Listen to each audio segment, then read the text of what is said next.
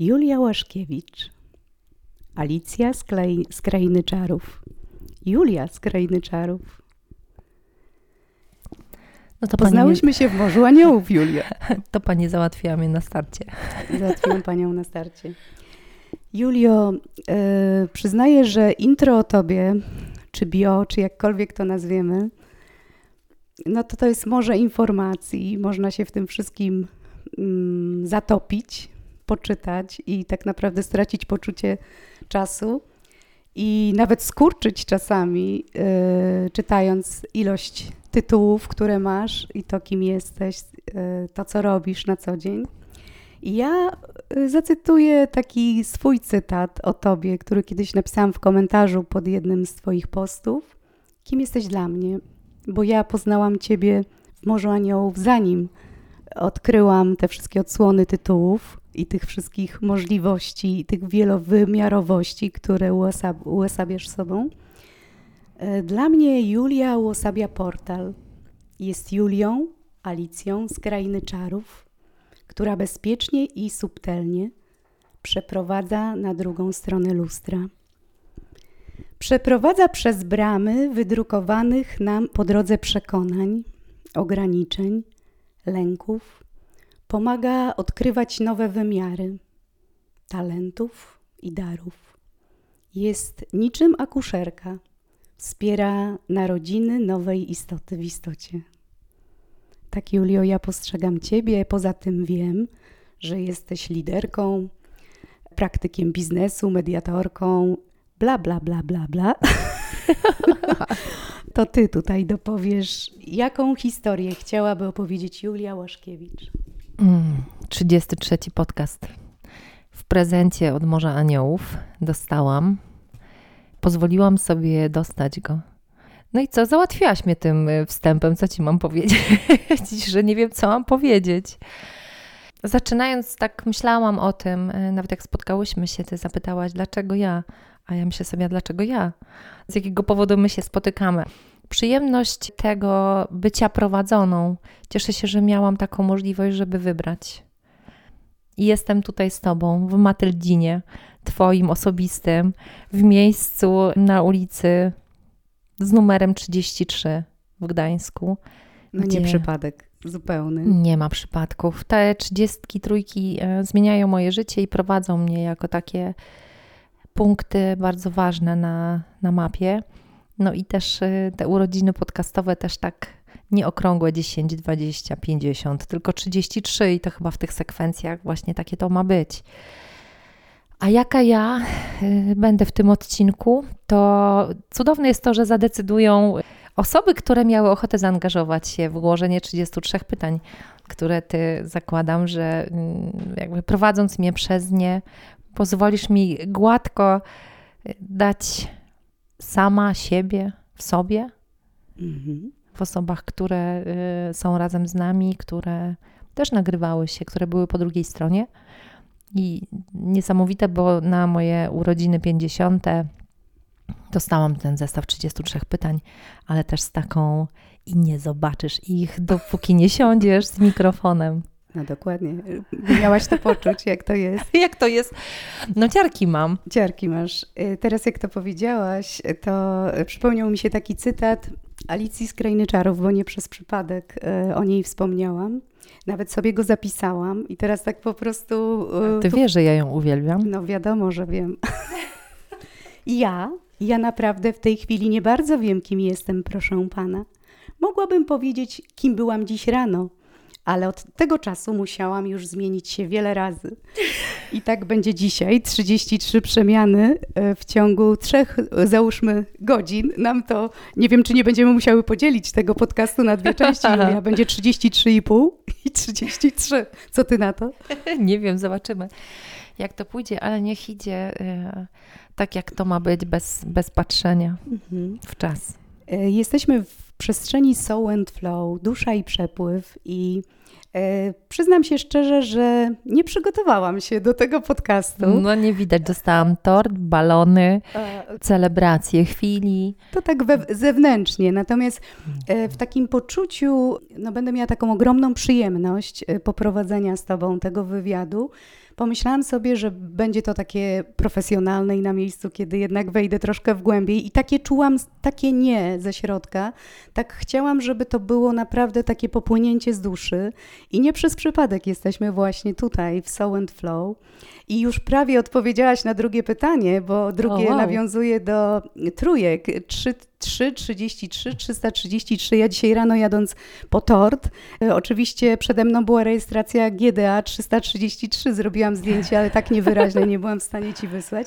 Jakie znaczenie mają dla ciebie te wibracje mm, trójek i dlaczego akurat właśnie trójki? Troszkę o tym powiedziałaś, ale mogłabyś to rozwinąć. Były takie momenty w moim życiu, które działy się. Mhm. To były takie momenty spełnienia. I one są, one się dzieją wciąż. Takiego kompletnego połączenia ciała, duszy, czucia, rozumienia, takiego, takie wglądy. I w pewnym momencie odkryłam, że one mają wspólną cechę tych trójek 33. Jak połączymy serce, rozum i, i energię, no to, to dzieje się magia. A dla mnie one stały się punktem na mapie. Dosłownie mhm. tak. I czasami właśnie w trudnych rzeczach przechodzę przez jakąś, e, jakąś trudność, czy to ona jest emocjonalną, czy, czy inną, i, i nagle uświadamiam sobie, stoi, stoisz na drodze z trójkami. Ja mówię, a, czyli są tędy, okej, okay, to idę. Mhm. To jest w ogóle też bardzo ciekawe, że są pewnym punktem, nie? Że, że nie, nie zagłębiam się w, w trójce tak, żeby tam się rozsiąść i posiedzieć, bo lubię też inne liczby. Jedynki, dwójki, piątki, dziesiątki, jedenastki. Mm, ale te trójki jakby w Morzu Aniołów, w tej najczystszej energii dostały jakiegoś ogromnego znaczenia. No i mhm. nas prowadzi dzisiaj znowu też. No muszę przyznać, że dla mnie też jest to taka magiczna e, liczba. Nie wiem, czy dzięki Tobie, może dzięki Tobie jest we mnie ta uważność na te trójki. E, ona też jest dla mnie o takim połączeniu takiej troszkę w nas boskości, ale też ja i Ty, czyli jesteśmy w takiej trójcy tak naprawdę. Coś większego od nas ja i drugi człowiek, więc ta trójka rzeczywiście jest wielowymiarowa, synchroniczna, więc to też ta tutaj pewnie synchroniczność w tych również innych liczbach, o których powiedziałaś. To słuchaj, uwaga, pytanie numer trzy a propos trójek. Y, będę też dzielić się tym, od kogo są te pytania, bo myślę, że ważne to będzie dla naszych a. słuchaczy, żeby sobie odprzypomnieli, że zadali takie pytania. Fajnie. A to są y, osoby z y, naszej społeczności, z Morza Aniołów, a które o, były... A o dwójce A jedynka? A pytanie jeden. numer jeden? A pytanie numer jeden, jaką historię chce opowiedzieć Julia Łaszkiewicz? A, rozumiem, okej, okay. czyli już zaczęliśmy pytaniami w pytaniach. Dobrze, pytaniami jestem pytań. przy trójce. Od czasu do czasu będę mówić o kolejności, żebyś miała poczucie czasu i czasowości. Mam takie uczucie, jakby dosłownie, jest taki, wiesz, program, był kiedyś taki program mhm. Wielka Gra, te mhm. pytania w kopertach. tak. I ja się dosłownie taka czuję, wie, ciekawe, co to będzie za pytanie, o wow. Słuchaj, był też jeden z dziesięciu, ty jesteś... dzisiaj. Jedna. Jedna. Jedna z jednej. Tak, jedna, z 33. Jedna z 33, dokładnie. Emilia Emi. Będę się posługiwać tutaj e, mhm.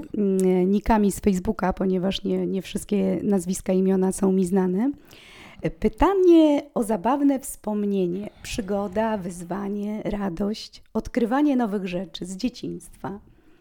To nam odkryje taką e, ciekawe, Julię. E, ciekawe Ciekawe jest to, że ja widzę y, Emilię. Wiesz, że te pytania jakby tak właśnie one się zaczynają utożsamiać, nie? Mhm. Że, że widzę y, delikatną, taką y, wręcz eteryczną, cudowną osobę, która zadaje mi pytanie. Przychodzi mi na myśl taka taka zabawa, y, jako takie małe dziecko podeszłam do takiej pani, która miała wielki koc y, koło, y, koło pola z ziemniakami i, i wzięła, zabrałam ten koc i zaczęłam uciekać z tym, a ona mhm. zaczęła mnie gonić, jak w takiej jakiejś, jakiejś śmiesznej zabawie. I dzisiaj z tej perspektywy myślę sobie, to taki był właśnie moment. Ja byłam taką grzeczną dziewczynką. Jak trzeba było spać, spała, jak trzeba było jeść, jadła. Był te, był te, mhm. tylko pamiętam parę takich momentów, kiedy wątróbki na przykład nie chciałam jeść, nie? I mm. wtedy totalny opór stawiałam. I ta, I ta zabawa z tym kocem była, nie wiem skąd ona była, ale to był taki po prostu obudził się we mnie ten taki diablik, który mówi właśnie, że teraz, nie? Mhm. I w tym maluchu takim pobiegłam. No, no potem śmiałam się z moimi rodzicami. Ta pani na początku nie za bardzo wiedziała, jak na to reagować. Ale tak, e, iście z jakiegoś filmu, e, z komedii pod tytułem ale o co chodzi, nie? Także mm, tak. A robiłaś sekrety, sekretniki? Nie wiem, jak to nazwać, bo w każdej y, miejscowości inaczej to się nazywało. Mnie nazywało to się sekrety.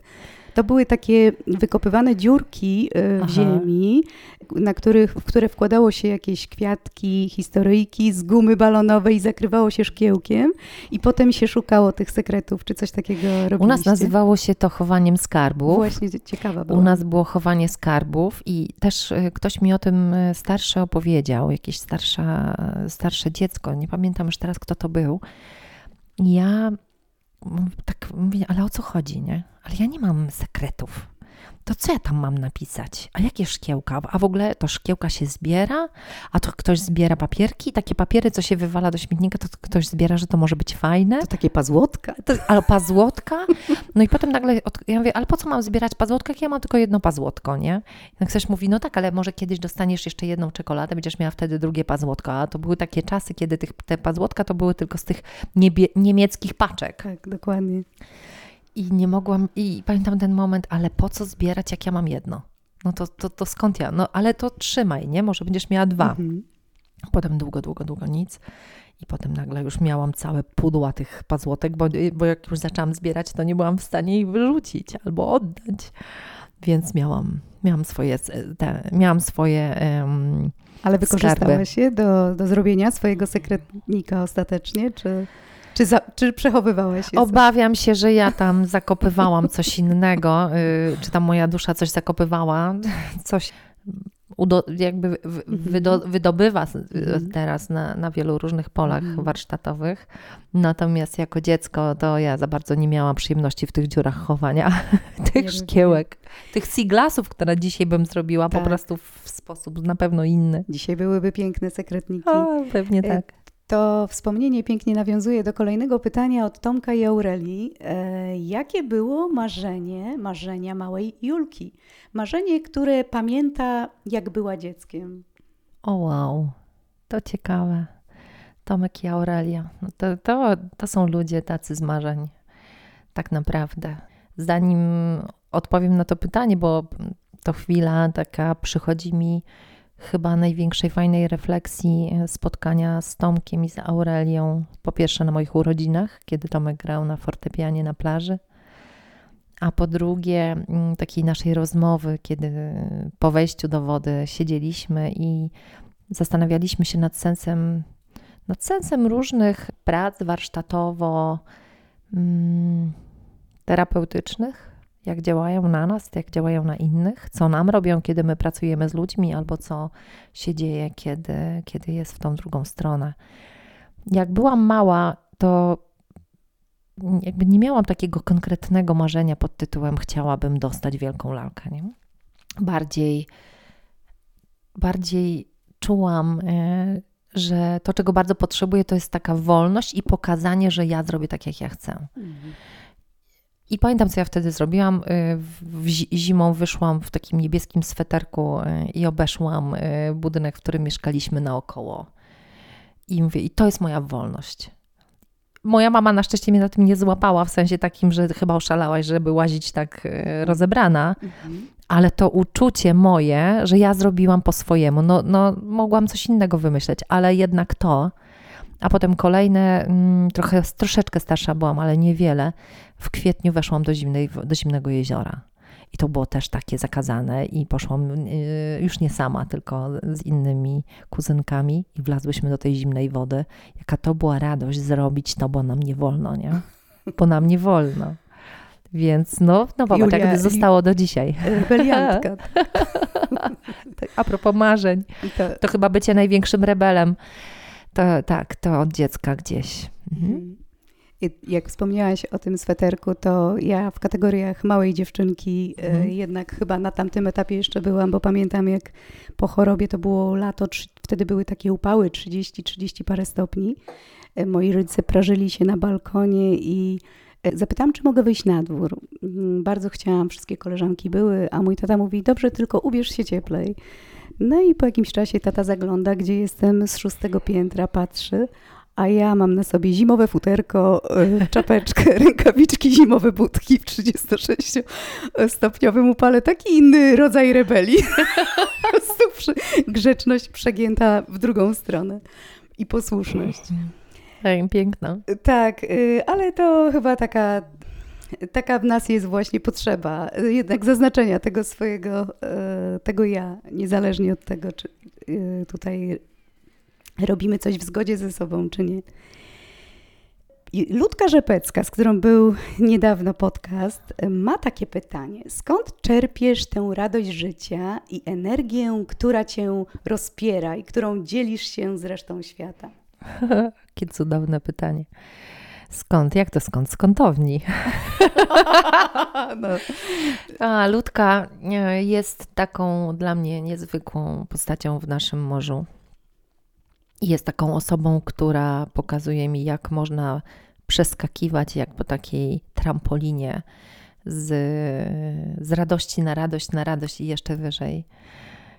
I, I patrzenie na osoby, które tak się zmieniają, by będąc w grupie, będąc razem, chyba daje mi największą satysfakcję i największą radość. Taką mm, widzenia, że ktoś może z mhm. różnych powodów.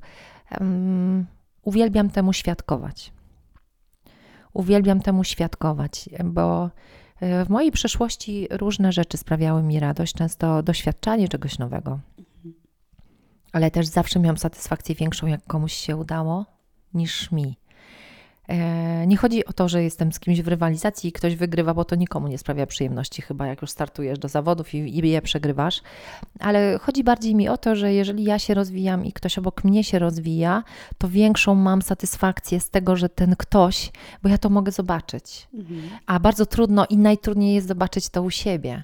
Więc jak patrzę, że ktoś idzie do przodu i że tak, to mi to daje taką radochę, i wtedy nagle ja przeskakuję gdzieś tam o jakieś e, świetle tylne kawałki. Ludka jest taką, taką osobą, która przyszła do nas i też nie wiedziałam, kim jest. I po kilku miesiącach, jak wymieniałyśmy się kontaktami, nagle się okazuje, że ona mnie doskonale zna, bo ja już u niej byłam kilka razy ze z moimi kolanami i badanie USG, jak my wszyscy. jak my wszyscy. A ja was wszystkich znam tu, tak. od środka, nie? Tak, ja mówię, o wow, no od środka ciała to jeszcze tak to się nie, nie mogłam spodziewać. Piękne ale gdzieś te baterie ładujesz mimo wszystko, bo czerpiesz radość e, z, te, z, tego świadkowania, ale gdzieś Julia baterię w końcu musi załadować. Gdzie to jest Julia? A moje główny e, port ładunkowy baterii jest e, w moim domu, w mojej mhm. rodzinie, w moim bezpiecznym miejscu, które jest stałe i na które zawsze mogę liczyć bez względu na poziom mojego odlotu w odlocie na, bez względu na poziom mojej rebelii, która jest albo w głowie, albo w czuciu, albo w działaniu, gdzie jak naprawdę w niesamowity sposób mogę tam wrócić i, i dostać najpiękniejszą dawkę tego życia. Teraz będzie to nowe miejsce, które miałam przyjemność zobaczyć. Niesamowicie ogromne, ciepłe, wymyślone przez ciebie. To jest trochę tak, że to miejsce zostało wymyślone 17 lat temu, kiedy kupiliśmy działkę. E, natomiast te, ten okres 17 lat, jakby on potrzebował jeszcze doświadczeń, mm, czegoś. I aż przyszedł taki moment, kiedy. Mm, I zawsze się bałam też tego. Maka był gotowy na budowę domu już wtedy, a ja nie. I, i on nie chciał sam tego robić, nie? że albo robimy to razem, albo, albo nie to nie, miał pomysłu, ja ci udowodnię, że można samemu zrobić coś. I cieszę się bardzo, że tego jakby tak nie, nie, nie zrobił. Natomiast ja się przez wiele lat bałam tego, że z jakiegoś powodu y, będę musiała oddać ten dom, albo sprzedać, albo coś się będzie musiało wydarzyć, albo że będąc w pracy ktoś mnie z niej wyrzuci i wtedy co ja zrobię. I nagle zostałam decyzją taką, że, że odchodzę z, ze stałej pracy i buduję swoje, swoje projekty, czy też uczestniczę w tych projektach, bo nie wszystkie są moimi projektami.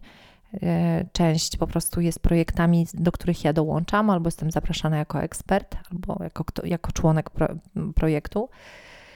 I nagle poczułam, że nikt mnie nie ma już możliwości wyrzucić, nie? że już jakby doświadczyłam wielu takich e, rozczarowań, które spowodowały, że ja już teraz mogę uwierzyć w siebie że nawet gdyby coś się zdarzyło czy zmieniło, to ja, to ja wstanę. I, I stąd też taka decyzja mocno deweloperska, że budujemy nasz dom. E, I, o, i ogromna odwaga moja na to, że, że tak naprawdę to mój mąż buduje, a to ja byłam w deweloperce, a nie on. I, i też taka, taki, takie pozwolenie sobie bycia y, świadkiem, mhm. bycia y, razem z nim, a, a pozwolenia, żeby to prowadzącym budowę był mężczyzna, który, z którym jestem w moim życiu. To takie trochę stanięcie na głowie. Nogami do góry. Dla mnie to chyba było stanięcie na głowie ze szpagatem. to, to bardzo dobrze, bo tutaj jest takie pytanie od Mai. Jaki świat widzisz stojąc na głowie i czy dlatego właśnie na niej stajesz? To pytanie zadała Maja. I co chciałabyś odwrócić, zmieniając w tym świecie? Maja Majeczka Lesińska. E, no, Maja jest taką towarzyszką e, sprawczości, jest dla mnie też oazą e, i bardzo mocnym punktem bezpieczeństwa.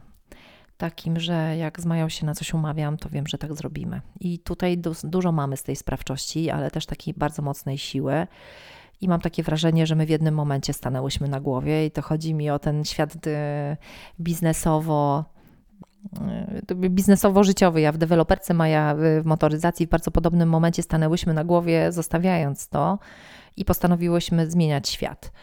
E, każda po swojemu i każda jakby z innym celem, i ten moment połączenia się, że jak zmieniać, to nie po to, żeby zmieniać i pisać jakieś elaboraty, tylko naprawdę go zmieniać, nie? I, i tak postrzegam taką tą moją relację z Mają i też jakby w tym to widzę, w tym, w tym Mai pytaniu e, właśnie E, to ja bardzo lubię stawać na głowie rano. Nauczyłam się tego na Bali, jak byłam u szamana. On nas uczył stawania na głowie, a ja myślę sobie na głowie, to nie jest fajnie stawać, zwłaszcza rano, bo to coś się może złamać, zgiąć, wygiąć i tak dalej. Ja widziałam twój synchron z Darkiem, e, który zrobiliście i powstał z tego super filmik. E, Jezu, no, no, no właśnie. To było wstanie na głowie. I Dobrze, to, to właśnie jak się tam nauczyłam tego i potem to praktykowałam każdego ranka, to mogę teraz to robić wszędzie. Mogę to zrobić na plaży, mogę to zrobić w różnych okolicznościach. A najpiękniejsze z tym staniem na głowie z Darkiem było to, że ja stanęłam na głowie, a on stanął na rękach, co z, z takim synchronem, że ja nawet tego nie zauważyłam, tylko to poczułam. Mhm. I, e, I ktoś to uchwycił i zrobił to na filmie.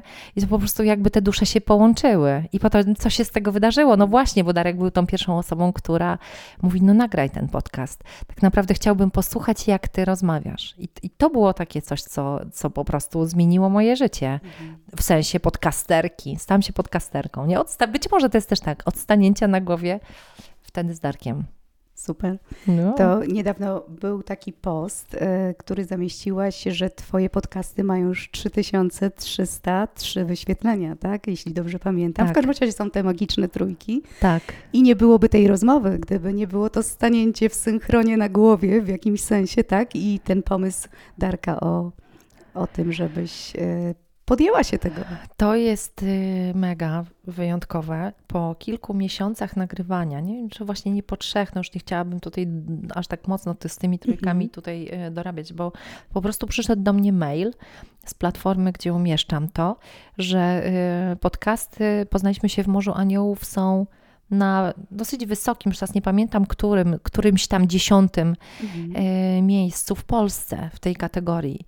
I po prostu spadłam z krzesła. Mówię, jak to jest w ogóle możliwe, że ktoś tego słucha?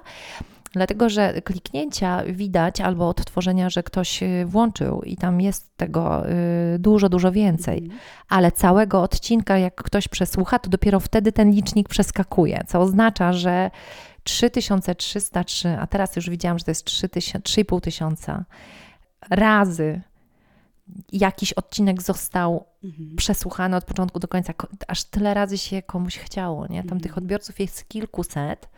co oznacza, że kilkaset osób nas obserwuje i, i to nie jesteśmy tylko my, którzy my się nagrywamy nawzajem, więc mhm. to było takie dla mnie wow. Dlatego, że osoby, które mówią, które są moimi gośćmi, e, to one są słuchane. I to jest właśnie ten moment tej satysfakcji, o której wcześniej mówiłam, że jest, e, to jest najpiękniejsze. Takie doświadczenie tego, jest, naprawdę. No mam tego duży udział, ale, ale tak naprawdę to nie o mnie, nie? To nie o mnie. To nie o tobie, ale ty tworzysz przestrzeń i odkrywasz e, zupełnie nowe odsłony o ludziach, których, z którymi widzimy się, na co, widzimy się na plaży. Może na co dzień to akurat niekoniecznie ja mogę pozwolić sobie na to określenie. Nas widzisz ja na online. online tak, online bywam. Niemniej jednak jakby jestem też dzięki tym podcastom, e, jestem w tym i widzę i doświadczam i, i czuję i odkrywam i to jest takie niesamowite, kiedy jesteś z, Moni z Moniką Lipka w kinie i na ekranie jest wielki napis Dream. I Jezu, jakie to było fajne! O, tak. i, I tej drodze, do, w której każdy tę drogę przechodzi, ten kawałek siebie, bo my poznajemy siebie w majtkach, tak jak zresztą wspomniałyśmy na początku. Tak, te historie potem przychodzą i y, tak jak ciebie hip, hipnoty, hipnotyzują twoi podcasterzy, tak tak mnie hipnotyzują te opowieści, tak? które odkrywają zupełnie nowe odsłony i kawałki osób, które tak wydaje mi się, że dobrze znam, a jeszcze tu tyle rzeczy jest do odkrycia. To jest niesamowite. Ja teraz tak nadrabiałam zaległości, Aha. więc rzeczywiście było to niesamowite e, dotknąć tej historii jeszcze raz albo dopiero pierwszy raz. I też za to Ci dziękuję, Julia. Myślę, że w imieniu tych nie tylko osób, z którymi przeprowadzasz te podcasty, ale też słuchaczy, którzy mają możliwość poznania historie e, takie znane nieznanych, e, nieznane znanych i to tworzy taką no, tą magię grupy, o której, do której, o której też powiemy za chwilę. To jest e, ostatni podcast, który mm, nagrywałam tak naprawdę dwa to jest e, podcast z Jackiem i podcast z Renatą Rave. One były dla mnie totalnie zaskakujące, takie, które y, są tak nieprzewidywalne, o których nie można poczytać w internecie, których nie możesz znaleźć właśnie w bio, tylko siedzisz naprzeciwko kogoś, kto jeszcze też przeżywa to i, i, i mocno się denerwuje i pozwala sobie na to, na co sobie nigdy nie pozwalał. I doświadczanie tego i też widzenie w sobie, w tej osobie mhm. nagrywając właśnie tego, że ja też mam takie momenty, nie? I mhm. też, i też mi tak czasami się e, zadziewa. To, no, to daje niesamowitą moc. Mhm. Jakby, jakby coś się uwolniło, bo coś pozwoliło, że można było, że zaistniało, że jest taki kawałek nas. Ale czuję się te emocje bardzo mocno. E, ja poczułam y, ogromne Twoje wzruszenie i myślę też łzy, kiedy płakałaś, kiedy Wojtek czytał wiersz Kaczmarskiego. Tak mocno poczułam ten moment, kiedy lecą ci łzy, a on próbował to y, swoim, y, swoimi słowami tak pięknie nie wiem nawet jakie słowo tu użyć, ale gdzieś to ubrać, tak, żeby tych łez może nie było słychać, te emocje, które się gdzieś pojawiają w tle. Ale jeszcze jedna rzecz taka przyszła mi dzisiaj o malowaniu obrazu słowem. Wiesz, to jest takie niesamowite, bo tworzycie takie historie, które się wizualizuje, przenosisz się w te przestrzenie e, który, tych doświadczeń, tych osób, które są. Małgosi, która opowiadała o, o swoim, w swoim życiu w internacie w klasztorze. No, mnóstwo Cezariusza, który opowiadał o historii, jak był mnichem. To jest tak malownicze i tak, tak mocno nasycone emocjami i takie prawdziwe, że dlatego są te kliknięcia na koniec, bo nie da się nie dosłuchać tej historii, bo jesteś ciekawy, wzbudzacie tą ciekawość w słuchaczu, jak potoczyły się dalej te losy, co jeszcze ma do powiedzenia ta osoba. No ja to tak mocno, jakby zupełnie inaczej odkrywam jeszcze te podcasty, tak? Oprócz tego, że jest to historia o ludziach, to jest jeszcze to taki obraz namalowany słowem dla mnie i to jest piękne i nasycony kolorami takich emocji, które się czuje i to, to, to jest myślę coś, Julia, wiesz? Jak nagrywam, to przeżywam bardzo do tego stopnia, że jak się kończy podcast, to ja nie wiem o czym było. I czasami jak potem piszę y, tekst, y, żeby tą osobę przedstawić, to to muszę wracać do tego, bo, bo nie sprawdzam technicznie, jak to się nagrało i czasami, czasami, czasami jestem bardzo zaskoczona. Tu, wspomniałaś e, o nagraniu z Wojtkiem Eichelbergerem i, i tych momentach, kiedy, tak, byłam wzruszona, kiedy on y, recytował z pamięci. Z pamięci, tak. Wiersz i ja faktycznie siedziałam naprzeciwko niego i leciały mi łzy. Ale było jeszcze mocniej, dlatego że on też płakał. Mhm. I te łzy leciały, i tak naprawdę myślę sobie, jakby on skończył recytować, ja mówię, co teraz? I co teraz? Wiesz, jakby jak trzymać przestrzeń i, być w rozmowie, a z drugiej strony y, pozwolić sobie na to totalne przeżywanie. I później włączyłam ten podcast i się okazało, że nie ma mojego głosu. Historia opisana już przeze mnie w różnych momentach jakby uświadomiła mi po pierwsze najpierw, że najważniejsze jest to, co y, Wojtek mówi, mhm. to, co każdy z, podcast, z podcastowiczów, z moich gości y, mówi, a potem też i mówię, dobrze, no to skoro mam ten jeden głos, no to, no to zaczynam wycinać te swoje pauzy, po czym znajduję swój głos i nagle okazuje się, że jakby bez tego głosu to by nie powstało. I też taki był moment, kiedy ja sobie sama obiecałam, że nigdy nie będę więcej sobie ujmować. Nie? Też z, jakby zobaczyłam przy tym y, podcaście z Wojtkiem, że byłam gotowa wyciąć siebie, że byłam gotowa wyciąć mhm. siebie. Ja wysłałam, y, jak już mi się udało, już po tych y, płaczach, szlochach, potem odzyskaniu, więc radości, cała feria barw, po prostu wszystkie emocje ever już tak profesjonalnie mam gotowy podcast, wysyłam, wysyłam do Wojtka i mówię, życzę Ci przyjemności, bo ja miałam z tego olbrzymią przyjemność, żeby potem posłuchać. A Wojtek mi powiedział, wiesz co, ja, ja sobie to przemyślałem, ja nie chcę tego słuchać. Ja chcę zostawić sobie moment przeżycia tego, który miałem z Tobą, tak jak on był. Nie potrzebuję nakładki na to, żeby słuchać jeszcze raz. Nie? I, I to było też takie piękne, że że samo nagranie jest po to, żeby powstało i żeby można było je odtworzyć i żeby było zapisane i żeby można do tego wracać.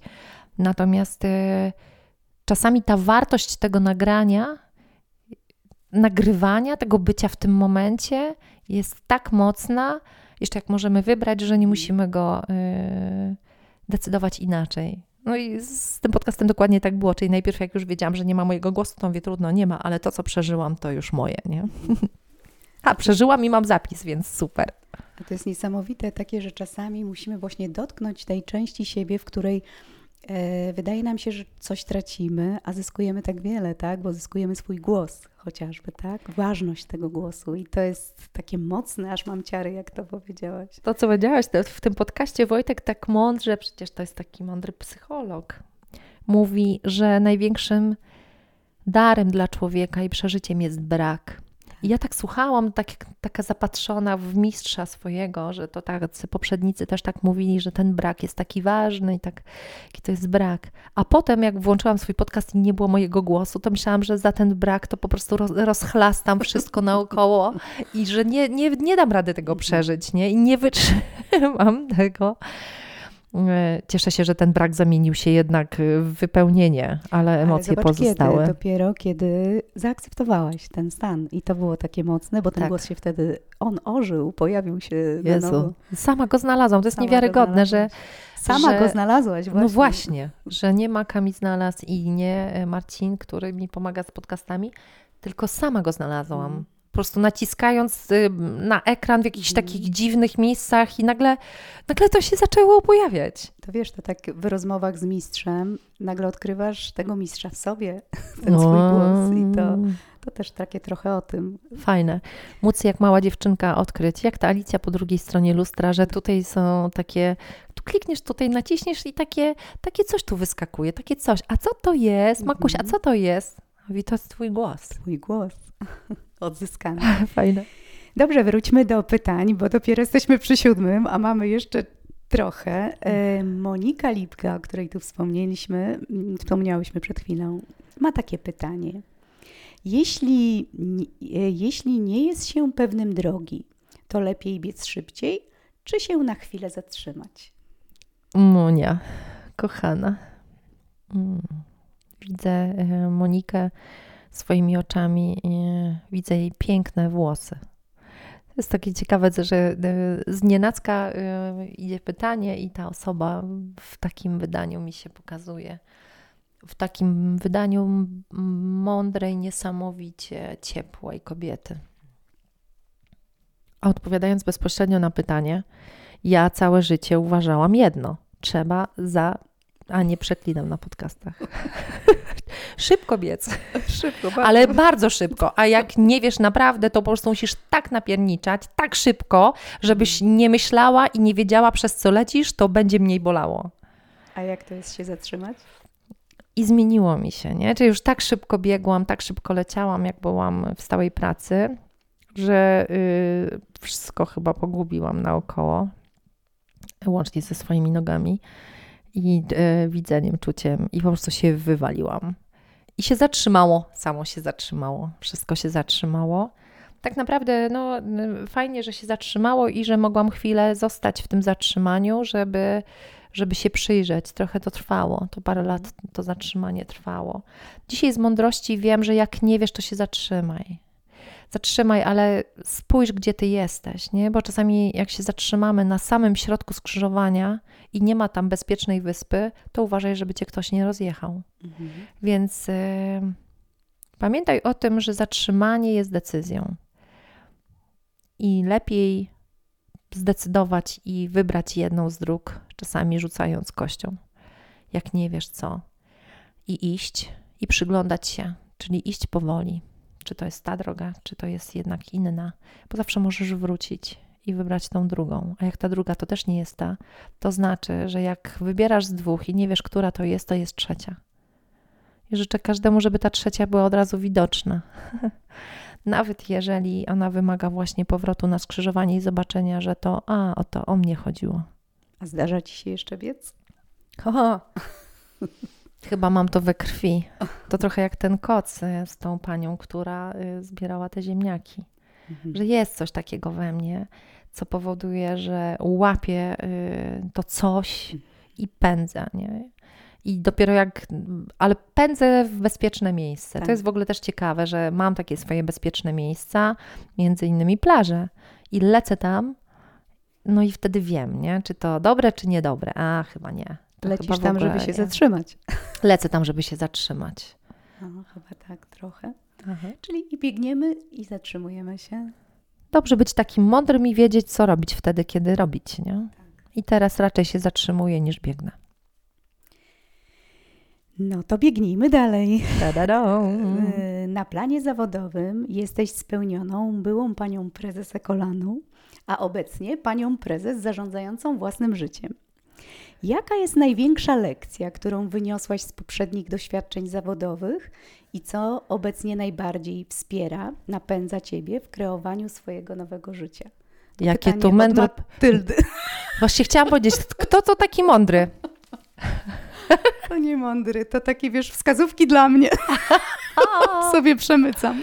A żeś wymyśliła pytanie, jak to było od początku? Dobra, dobra, poczekaj, już wiem co wyniosłam z tego y, najlepszego, że byłam panią prezes? Mhm.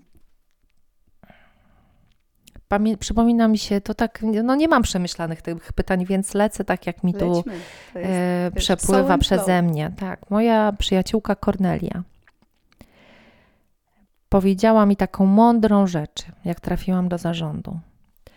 Myśmy patrzyły na zarząd zawsze z takim zawadiackim patrzeniem, że są oni i my. Jak my nie byłyśmy w zarządzie, jak ja nie byłam w zarządzie.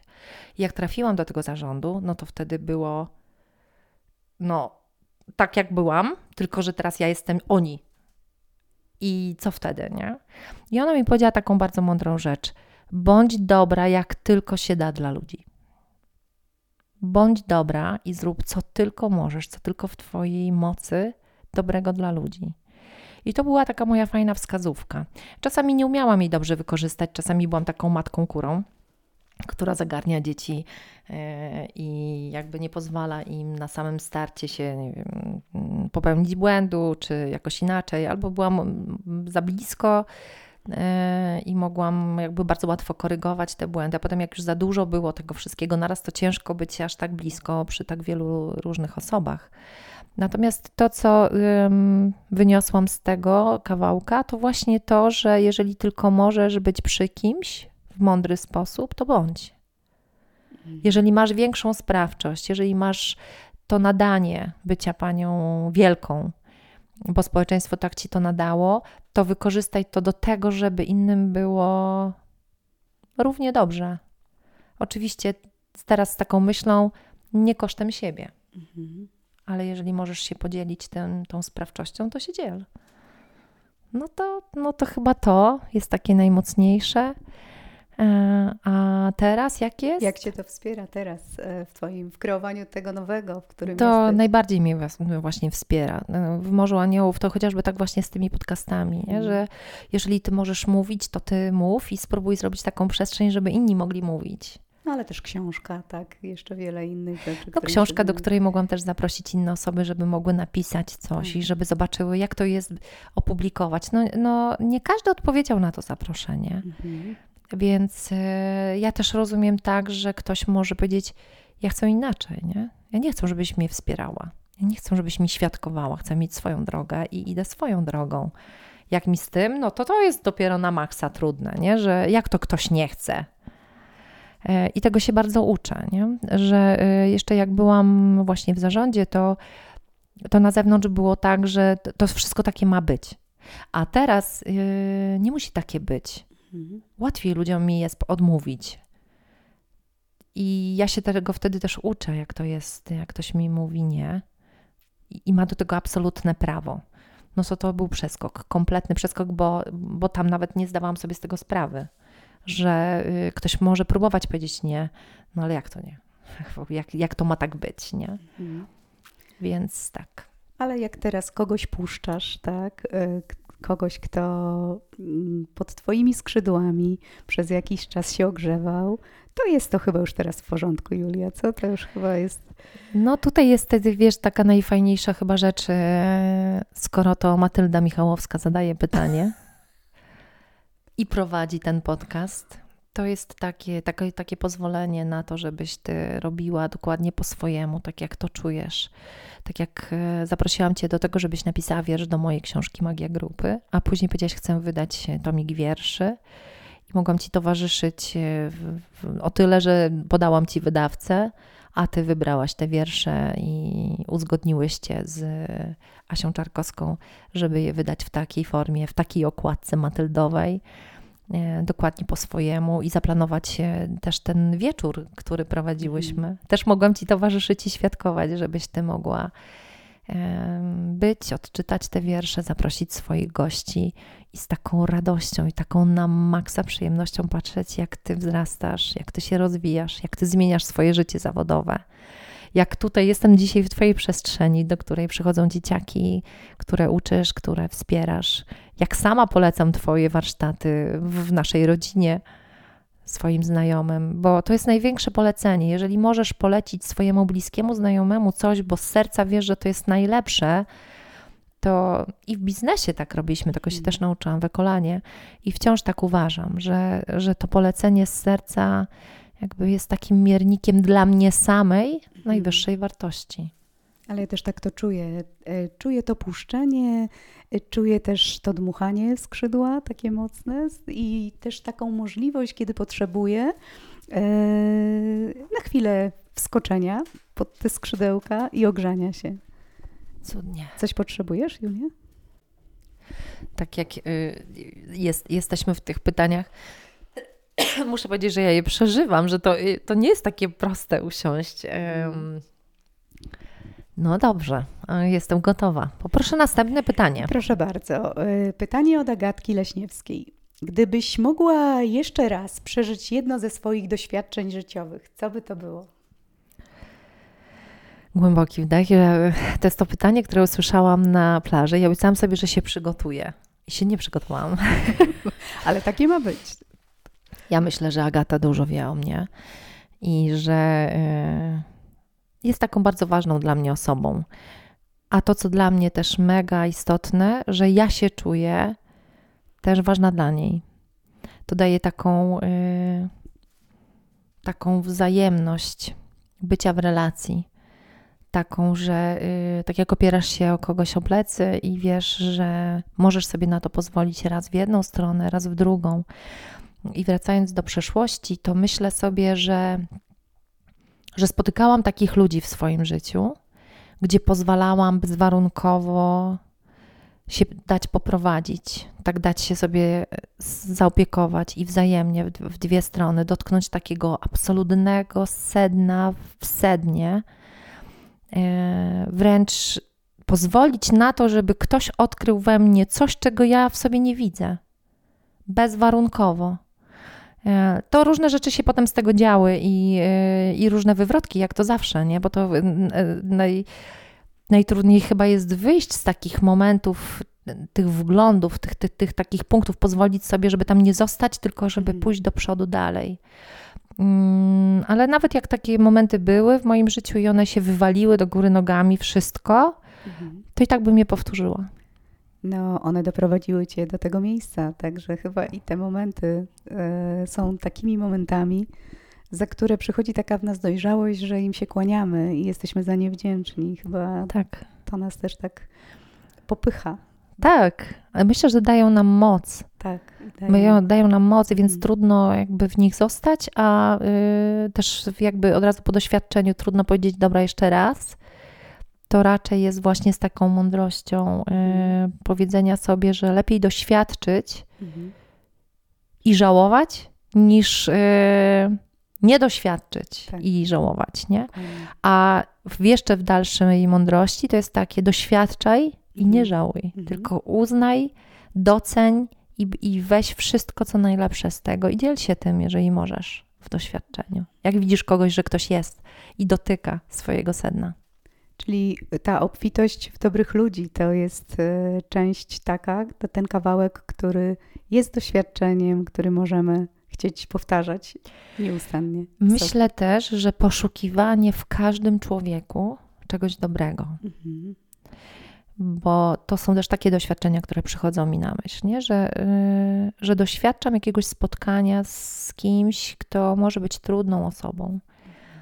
A miałam to szczęście w swoim życiu, że w tych najtrudniejszych znajdowałam po prostu taki skarb, takie taka, taka, taki naj, najczystszy diament możliwy i dotknięcie czegoś takiego mm, daje właśnie tą, tą chęć na, na coś niesamowitego. I miałam tą umiejętność pozwalania sobie na to już w przedszkolu, bo pamiętam takie, takie spotkania z osobami, które były z boku, albo takie były właśnie nieoczywiste trochę, tak sobie też myślę w tych naszych podcastach, że są przeróżne osoby. Są bardzo sławne osoby, są takie, które właśnie mają mocne bio, mhm. ale są też takie, które się dają zauważyć na plaży, a są też takie, które są bardzo skromne, takie, o których nic nie wiemy. Milczące. E, milczące. I no zresztą to, taki był początek z Darkiem. Ja mhm. nawet nie wiedziałam tak naprawdę tego, co Darek ma w sobie i jakie to jest. I, mhm. i to wejście takie mocne i bardzo głębokie w nagranie podcastowe powodowało, że ja dwa dni z tego wychodziłam, żeby zacząć oddychać. Um, można by powiedzieć, no tak, to, to są takie momenty, kiedy ci wywalają wszystko do góry nogami. Może tak, i pewnie nie da się ich powtórzyć. No i może tak. Więc jakbym miała powiedzieć, które są, to takich w życiu parę miałam. Wspaniale. Pytanie numer 10. I to takie bardzo ważne pytanie, bo dotyka e, takiej ważnej części ciebie. Jesteś autorką książki Magia Grupy. Powiedz kilka słów o swojej książce, skąd się wziął na nią pomysł, dlaczego powstała, to tak dla przybliżenia słuchaczom, którzy jeszcze nie czytali. I do tego dopowiada jeszcze pytanie mm, Agnieszka Kocot, bo kolejne pytanie brzmi, czy w planie jest kolejna książka i o czym ona będzie. Aga Kocot. Moja bratnia dusza, z którą robię w tej chwili bardzo dużo warsztatów, kręgów, ale też jest przy mnie w tych, w takich moich osobistych wglądach, w których jestem. Towarzyszy mi w mojej drodze. Jest wyjątkowa a propos książki, bo na wszystkie warsztaty i kręgi zawsze dostaję od niej to samo pytanie i ja za każdym razem jestem totalnie nieprzygotowana. Czy wzięłaś swoją książkę? Bo ta książka, yy, kładziemy ją na środku po to, żeby ona jakby była i żeby podkreślać, że, że ona jest. Mhm. Więc, yy, więc ona jest. Książka była osią pewnego takiego mm, mojego samorozwoju. Jak wyszłam z firmy, pojechał na warsztat do Kalifornii. Tam poznałam Alana Bryskina, który wysłał książkę y, Centered on Age, czyli jestem na krok przy wychodzeniu z centrum, żeby zrobić jakąś zmianę. I jak dostałam, dostałam tą książkę, to y, no nic z tego nie rozumiałam. Była po angielsku, no to jest mhm. oczywiste, ale też to, co on pisał i to, co on badał przez, w Instytucie Fetchera, było dla mnie czarną magią w pozytywnym tego słowa znaczeniu. Czyli wiedziałam, że to jest coś mocnego i ważnego i fajnego, ale nie rozumiałam co. No bo po angielsku. I mhm. Maka mówi, to przetłumacz to. Ja mówię, no jak mogę coś przetłumaczyć, jak ja tego nie rozumiem? On mówi, no właśnie. I ja jak świętą księgę, literka po literce, z, wyraz po wyrazie przetłumaczyłam książkę i jak zaczęłam ją czytać już po, z polskiego na polski, to dalej tego nie rozumiałam, więc tłumaczyłam z polskiego na polski. Poznałam y, Asię Czarkowską, y, która prowadzi wydawnictwo Alegoria i powiedziałam, że chciałabym to tłumaczenie y, wydać. Ona mówi, no dobrze, ale dopisz swoje. Ja mówię, ale jak dopisz swoje? Nie? No napisz komentarz do tego albo, albo coś takiego napisz, tak żeby, żeby to nie było tylko tłumaczenie, tylko żeby to było twoje dzieło, twoja mhm. oddzielna książka. Ja mówię, wiesz co, no dobrze, okej. Okay. Ona mówi, no tylko proporcja tak, wiesz, dwa do jednego. Ja mówię, dwa tłumaczenie, jeden, nie, nie, odwrotnie. Ja wiem, to ja mam napisać dwa razy więcej niż Bryskin napisał w tym temacie, to jest w ogóle no way. No ale oczywiście zaczęłam trochę pisać wcześniej, pisałam takie emocjonalne kawałki o tym, jak przeżywałam coś w grupie. I, e, no i one, one jakby złożyły się na, na takie pasmo, jak w warkoczu. Tak sobie wyobraziłam, że, że zaplatam warkocz. Jednym pasmem jest to tłumaczenie, drugim pasmem są moje opowiadania i myślę sobie, no ale ja aż tyle tego nie wymyślę. A warkocz ma trzy pasma. A warkocz ma trzy pasma, więc zaprosiłam inne osoby do współtworzenia i zaprosiłam osoby, które były mi bliskie, które były w tych grupach, mm, bliskie z różnego yy, poziomu, z różnej warstwy. No i zdecydowana większość odpowiedziała na to zaproszenie. Chociaż muszę powiedzieć, że y, niektóre odmowy przeżyłam bardzo, że ktoś nie chciał czegoś zrobić. E, nie dlatego, że czegoś nie chciał, tylko jakby ja to odbierałam, że dla kogoś to nie jest ważne. Mhm. Dopiero później się nauczyłam, że, że może to być dla kogoś inny, inny moment, inna droga, albo, albo ktoś po prostu się nie chciał podzielić tym, co ma w sobie. Y, I to, I to było chyba też po to, żebym tego doświadczyła te kawałki, które dostawałam od różnych osób, jak czytałam, to za każdym razem płakałam. No, był jeden taki, którego nie, nie, nie, nie przepłakałam, to sobie przepłakałam później, nie powiem. Już jakby w samym aspekcie. To wszystko uwalniało ze mnie jakieś emocje. Y, nie miałam pojęcia, że tak będzie. To bardziej chciałam w takim y, połączeniu z Alanem Bryskinem, który był i wciąż jest dla mnie on jest guru komunikacji niewerbalnej i to jest mi bardzo bliskie, że komunikujemy się jako ludzie z czucia e, w energii i my nie musimy ze sobą rozmawiać, żeby ze sobą być blisko i rozmawiać. Nie musimy używać słów i spotkań, żeby, żeby wiedzieć, że, że ktoś jest blisko nas. Mhm. Alan Bryskin został zaproszony dwa lata później do Polski. To w ogóle było ciekawe, bo on napisał: Jestem zaproszony do Polski, do Święcimia, żeby założyć instytut taki, który jednoczy kraje i buduje porozumienie między ludźmi. I jak on to do mnie napisał, to ja mówię, ale ja nie jestem zdziwiona. On mówi, jak nie jesteś zdziwiona? Wiesz, ile krajów jest na świecie, akurat Polska? Ja mówię, nie, mam, nie maczałam w tym palców. On mówi, ty nawet nie wiesz, w czym ty maczałaś, a w czym nie. Ja mówię, no dobra, okej, okay. niech to takie będzie. I e, książka stała się dla mnie taką wizytówką, też takim sensem tego, co robię. Mhm. E, I na plaży, bo ósmy rozdział ostatni, był też taką motywacją do tego, żeby Morze Aniołów nazwać i żeby powstało. Asia chodziła na plażę, robiła zdjęcia. Ja chodziłam na plażę, wchodziłam do wody już dużo wcześniej. Ty byłaś na plaży, mhm. zanim powstało Morze Aniołów. A y, gdy kończyłam książkę i miałam do siedmiu rozdziałów materiał, przyszedł ósmy, w którym y, Kornelia napisała o śmierci Adamowicza, prezydenta Gdańska gdzie Alan Bryskin y, porusza bardzo międzynarodowe, mocne kwestie i myślę sobie, a co ja mam napisać? O czym ja mam napisać? Ja w ogóle ani nie wiem, jak mam napisać, ani o czym.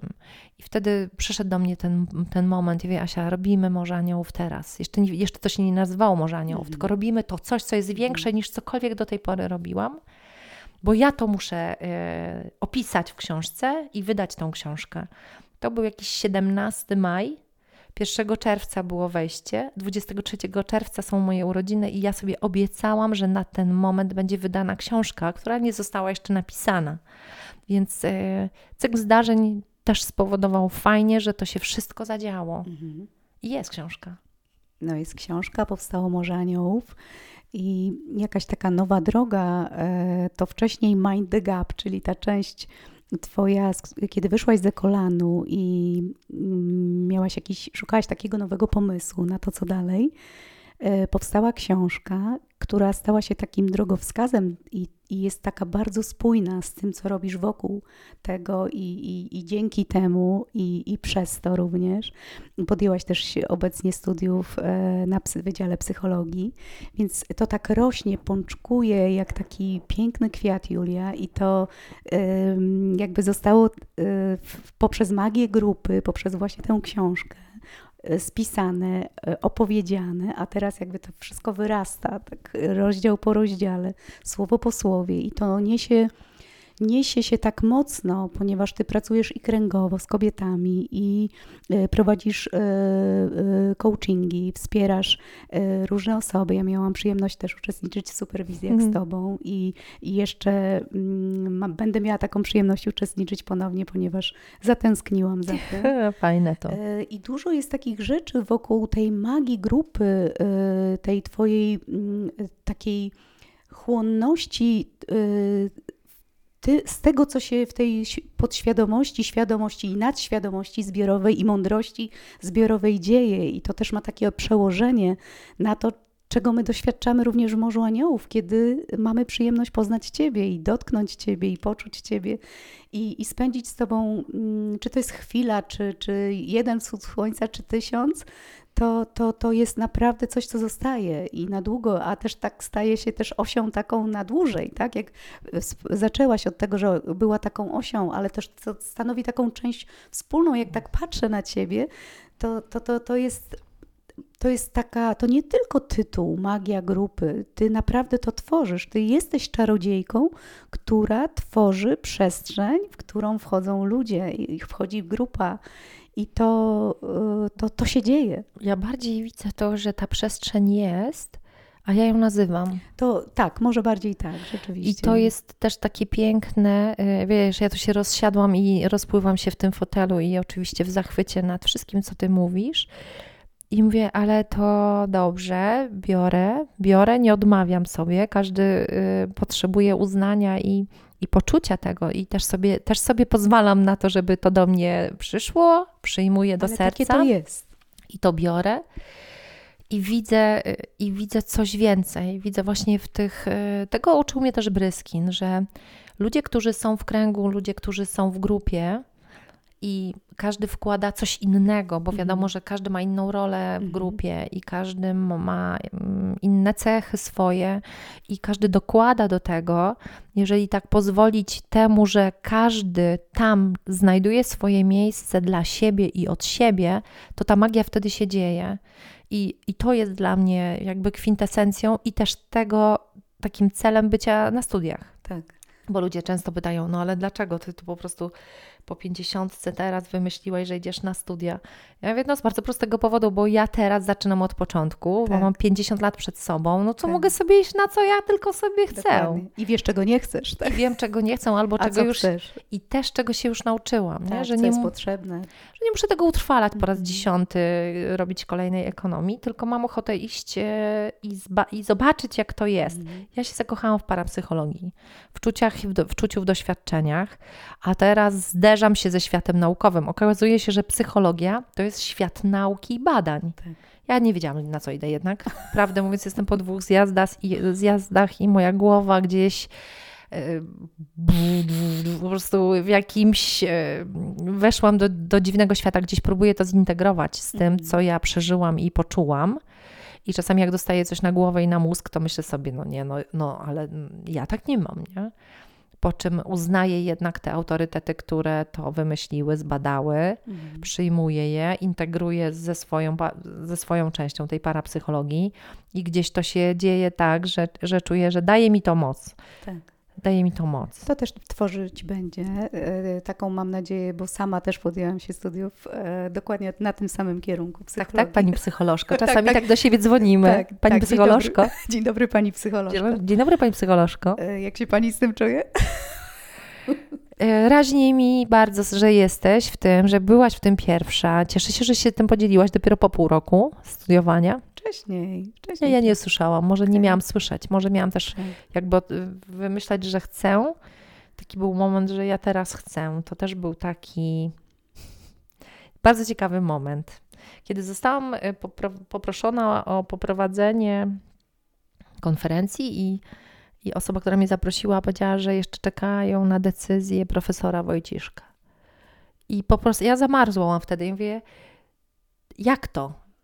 To to taki autorytet, to, no to, a co, i co ja wtedy powiem? A, ale co to w ogóle ma być? Nie? I takie zderzenie się też znowu z takich dwóch mocnych światów, w którym zostałam, w którym jestem, yy, poznałam z bioprofesora i pomyślałam sobie, ja jeszcze coś z nim zrobię tak. fajnego. Ale potrzebuję wejść do jego świata, mhm. do jego świata, żeby, żeby móc mówić takim językiem, takim rozumieniem. Zresztą to jest taki świat, który bardzo zawsze mnie interesował. No i kupiłam profesora Wojciszkę książkę 750 stron. Leży koło mojego łóżka. Maka patrzy i mówi, co, co to w ogóle jest? Ja wie, nie wiem, nie, wolę nie dotykać, ale mam. Na, na razie właśnie dotykasz. Na razie dotykam. No Ale trudno. To, jest, to, też jest niesamowite, bo mm, ta psychologia ewoluuje, zmienia się i tworzy, tworzy nowe e, wymiary i my będziemy miały przyjemność e, uczestniczyć w tym tworzeniu właściwie nowej psychologii. Tak. Ale wracamy Ale do fajne. pytań, e, mhm. ponieważ Adam Dmuchowski jest bardzo ciekawy, jaki jest Twój największy sukces. Adam Dmuchowski. Jezu, jakie to jest cudowne. No to jak mi się zrazu z Adamem mój sukces kojarzy, to zaraz opowiem. Adam dla mnie jest taką wyjątkową e, osobą, którą poznałam na Molo Molo. Razem pływaliśmy taką większą grupą pływaliśmy od mola do mola i naszym celem było przepłynięcie zatoki. I mogłabym powiedzieć, że takim na tamten moment największym moim e, osiągnięciem było to, że ja tą zatokę przepłynęłam, ale chyba y, w, w tym moim czuciu było naj, najpiękniejsze to, że zrobiliśmy to w grupie w grupie bardzo ważnych dla mnie osób.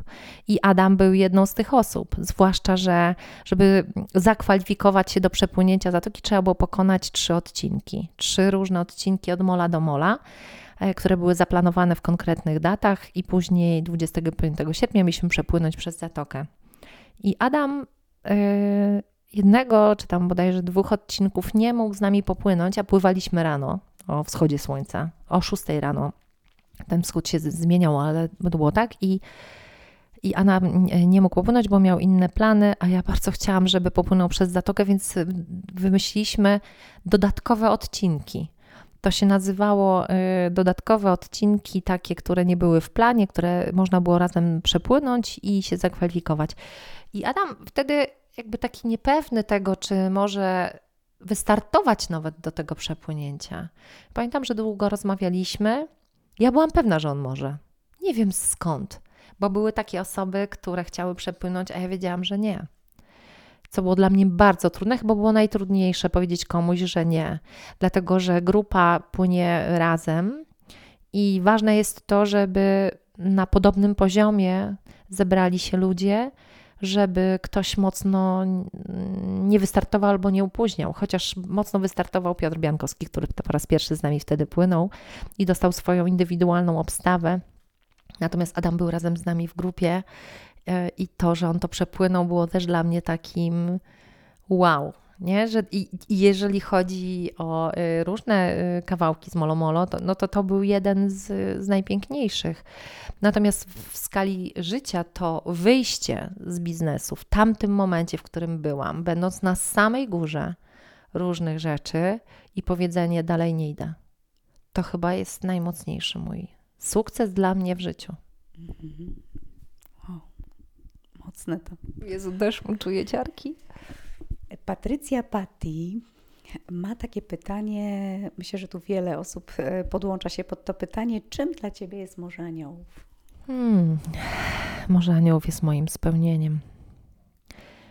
Patrycja jest dla mnie ważną osobą w Morzu Aniołów, która hmm, jest e, połączeniem, jest symbolem razem z Kasią Zosią. Zofią. Tak. Bo to się okazuje, że to nie jest imię drugie, tylko nazwisko. Tak? O, nie wiedziałam. Z Kasią się dzisiaj widziałyśmy.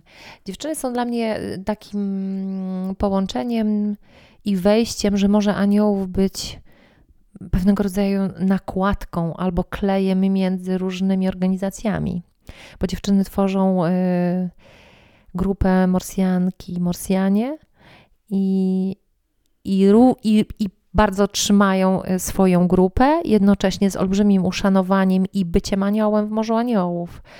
I to jest dla mnie mm, coś mega wyjątkowego, że że może aniołów nie konkuruje z innymi grupami, nie jest lepsze od innych grup, jakby nie staje w, w, rywalizacji, co jest lepsze, co jest gorsze, że nie trzeba wybierać. Nie? Może aniołów jest o wschodzie słońca, więc po prostu tam jest mały wybór, gdzie idziesz na wschód słońca, oprócz tego, że możesz iść sama ze sobą. Szczególnie o czwartej rano, 4.17.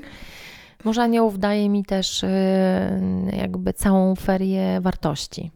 Przeglądam się w nich i to, co w podcastach było przez wiele odcinków, teraz trochę do tego mniej wracam, bo, bo obraz stanął w moim domu. To jest ten obraz Mona Lisa, który jest symbolem tego i manifestacją, że w życiu ważniejsze jest coś niż y, hierarchia, pieniądze i władza, i to jest Morze Aniołów.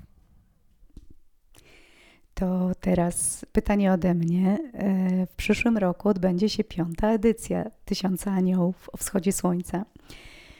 Łącznie te wszystkie cztery edycje to ponad 3200 zapisanych uczestników, ponad 150 tysięcy złotych zebranych na hospicjum Pomoże Dzieciom. Jakie to jest, Julia, dla Ciebie i co jest takie ważne w tej akcji dla Ciebie, a co jest trudne? Bo o tym też można wspomnieć. Teraz trudne jest to, żeby się nie rozpłakać. Mamy pani, pani tu trzyma. Mamy tu chusteczki, proszę bardzo. Jak się łączy te wszystkie emocje wszystkich edycji, to się to tak trudno mieści. Bo, mm, jednak... podliczyłam. no właśnie, do tego jeszcze to podliczyłaś. Nigdy tego nie podliczałam. Mm to jest e, po opowieści o tym, e, czym jest dla mnie Morze Aniołów i czym jest dla wielu ludzi, które, których widzę. Jeżeli tyle, tyle tysięcy już ludzi się przyłącza z roku na rok, mm, no to o czymś to jest. Jeżeli robi się akcje, e, a we wcześniejszych różnych moich akcjach marketingowych zwłaszcza byłam mistrzynią, mm, jak trzeba było osiągnąć rekord, osiągnąć sprzedaż, to ja to potrafiłam zrobić. Natomiast lata trwało, zanim nauczyłam się robić to w taki sposób, żeby, żeby robiąc akcję, ktoś chciał ją powtarzać dalej, żeby ci sami ludzie chcieli ją powtarzać dalej.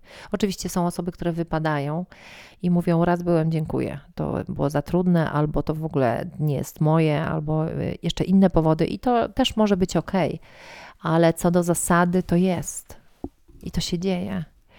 I to jest. Yy, to jest najpiękniejsze, co, co możemy dla siebie zrobić i dostać z powrotem.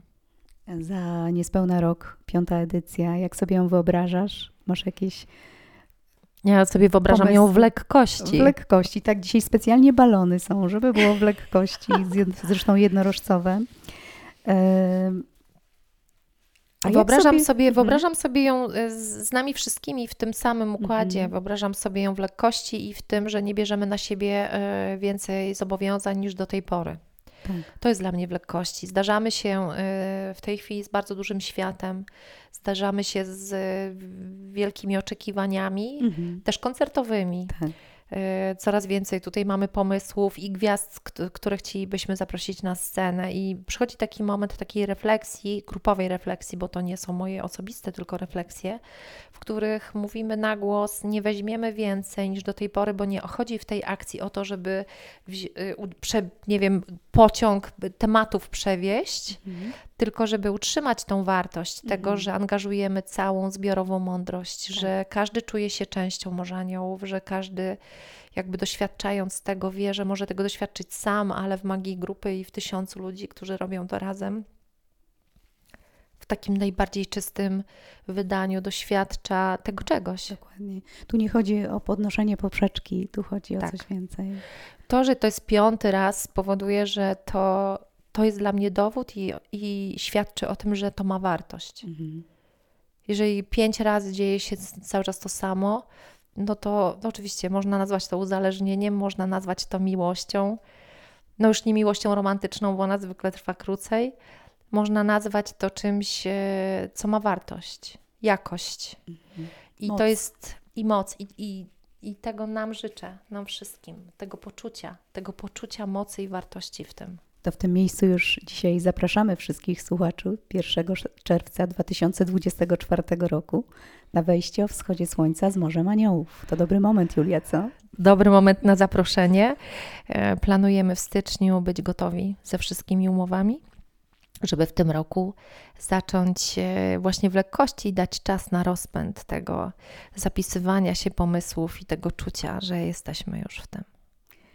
A Ewa Anna ma pytanie, jak sobie wyobrażasz może za kolejne pięć lat, takie wybiegające w przyszłość? Ewa Anna, to ciekawe. Ewa Anna um, kojarzy mi się z, właśnie z Tysiącem Aniołów o wschodzie słońca 1 czerwca. To była y, pomysłodawczyni bransoletek, które całe 1200... Dziergałyśmy dziergałyśmy i była tym właśnie e, tą osobą, która e, je wymyśliła i ułożyła i pokazała, jak je wiązać i e, i tak fajnie mi się z tym kojarzy, że ona właśnie ma takie pomysły. Mhm. Bluzy, mm. które też wymyśliła pierwszy raz, to były białe bluzy. Tak. One jakby nie, nie poszły bardzo mocno, bo jednak się okazało, że naszym marzeniem jest to, żeby mieć my intention mm. bluzy. Tak. I to było takie wow. Jak ja sobie wyobrażam za, za kolejne pięć lat, o, o wow, o mama. Dziesiąte. Wyobrażam sobie, że będzie wschód słońca, że to będzie Dzień Dziecka i że będziemy w Sopocie na plaży. I że będzie fajnie. I wspaniale. że będzie fajnie i wspaniale. E, nawet sobie nie wyobrażam, że to będzie bardziej lekko, bo, bo jest lekko, bo, bo mhm. jednak nie ma takiego stałego harmonogramu. Wchodzimy na mhm. plażę i chociaż ten pierwszy tak miał. I co z tego? Runęło wszystko w gruzach, bo mieliśmy stanąć, przeczekać, złapać się za ręce i tak dalej. Wszyscy wylecieli, było piękne słońce, krzyczeli, że hura, hura, e, fale latały po brzegu i po prostu poszliśmy w to, nie? Mhm. I poleciało. I ja sobie wyobrażam, że za 10 lat, że tak będzie. Że dokładnie tak to będzie i że ludzie będą czekali na 1 czerwca, żeby przyjechać do Sopotu i będą mówili, ojej, jest w tygodniu, ale to nic, to nie ma znaczenia, wchodzę. No i że będzie 10 tysięcy. Ja tak intencjonowałam. Ty tak, że na dziesięciolecie będzie 10 tysięcy, będziesz ogarniać ten temat, Będę nie ma sprawy. Dobrze. Pomożesz mi w pozwoleniach wszystkich. Może tak być, może tak być. Ja, ja proponuję wziąć głęboki teraz oddech i i po, po łyku wody przejść na odcinek numer dwa. Co ty na to? To jeszcze tylko ostatnie może pytanie, będziemy prawie w półmetku. Co? Dobra, okej, okay. okay. super. czego chciałabyś dla siebie od Morza Aniołów? To jest pytanie od Katarzyny Zofii. A, już o Kasi Zofii e, wspominałam. Tak, Kasia, e, Zofia, mistrzyni świata w, w kobiet kategorii długości bycia w zimnej wodzie i w lodzie, która szykuje się do pobicia, do pobicia, nie do pobicia, do ustanowienia rekordu Guinnessa w tym Ice zakresie. Queen. Ice Queen. I jak patrzę przez Kasię, to jest też taki moment, co, czym dla mnie jest y, rekord Guinnessa Morza Aniołów. Jak, y, jak szukać tego w wartościach? Jak szukać tego właśnie nie w 10 tysiącach czy w 20 tysiącach, bo był ten moment, kiedy tak bardzo chciałyśmy mieć tysiąc aniołów, pamiętasz? Tak, pamiętam.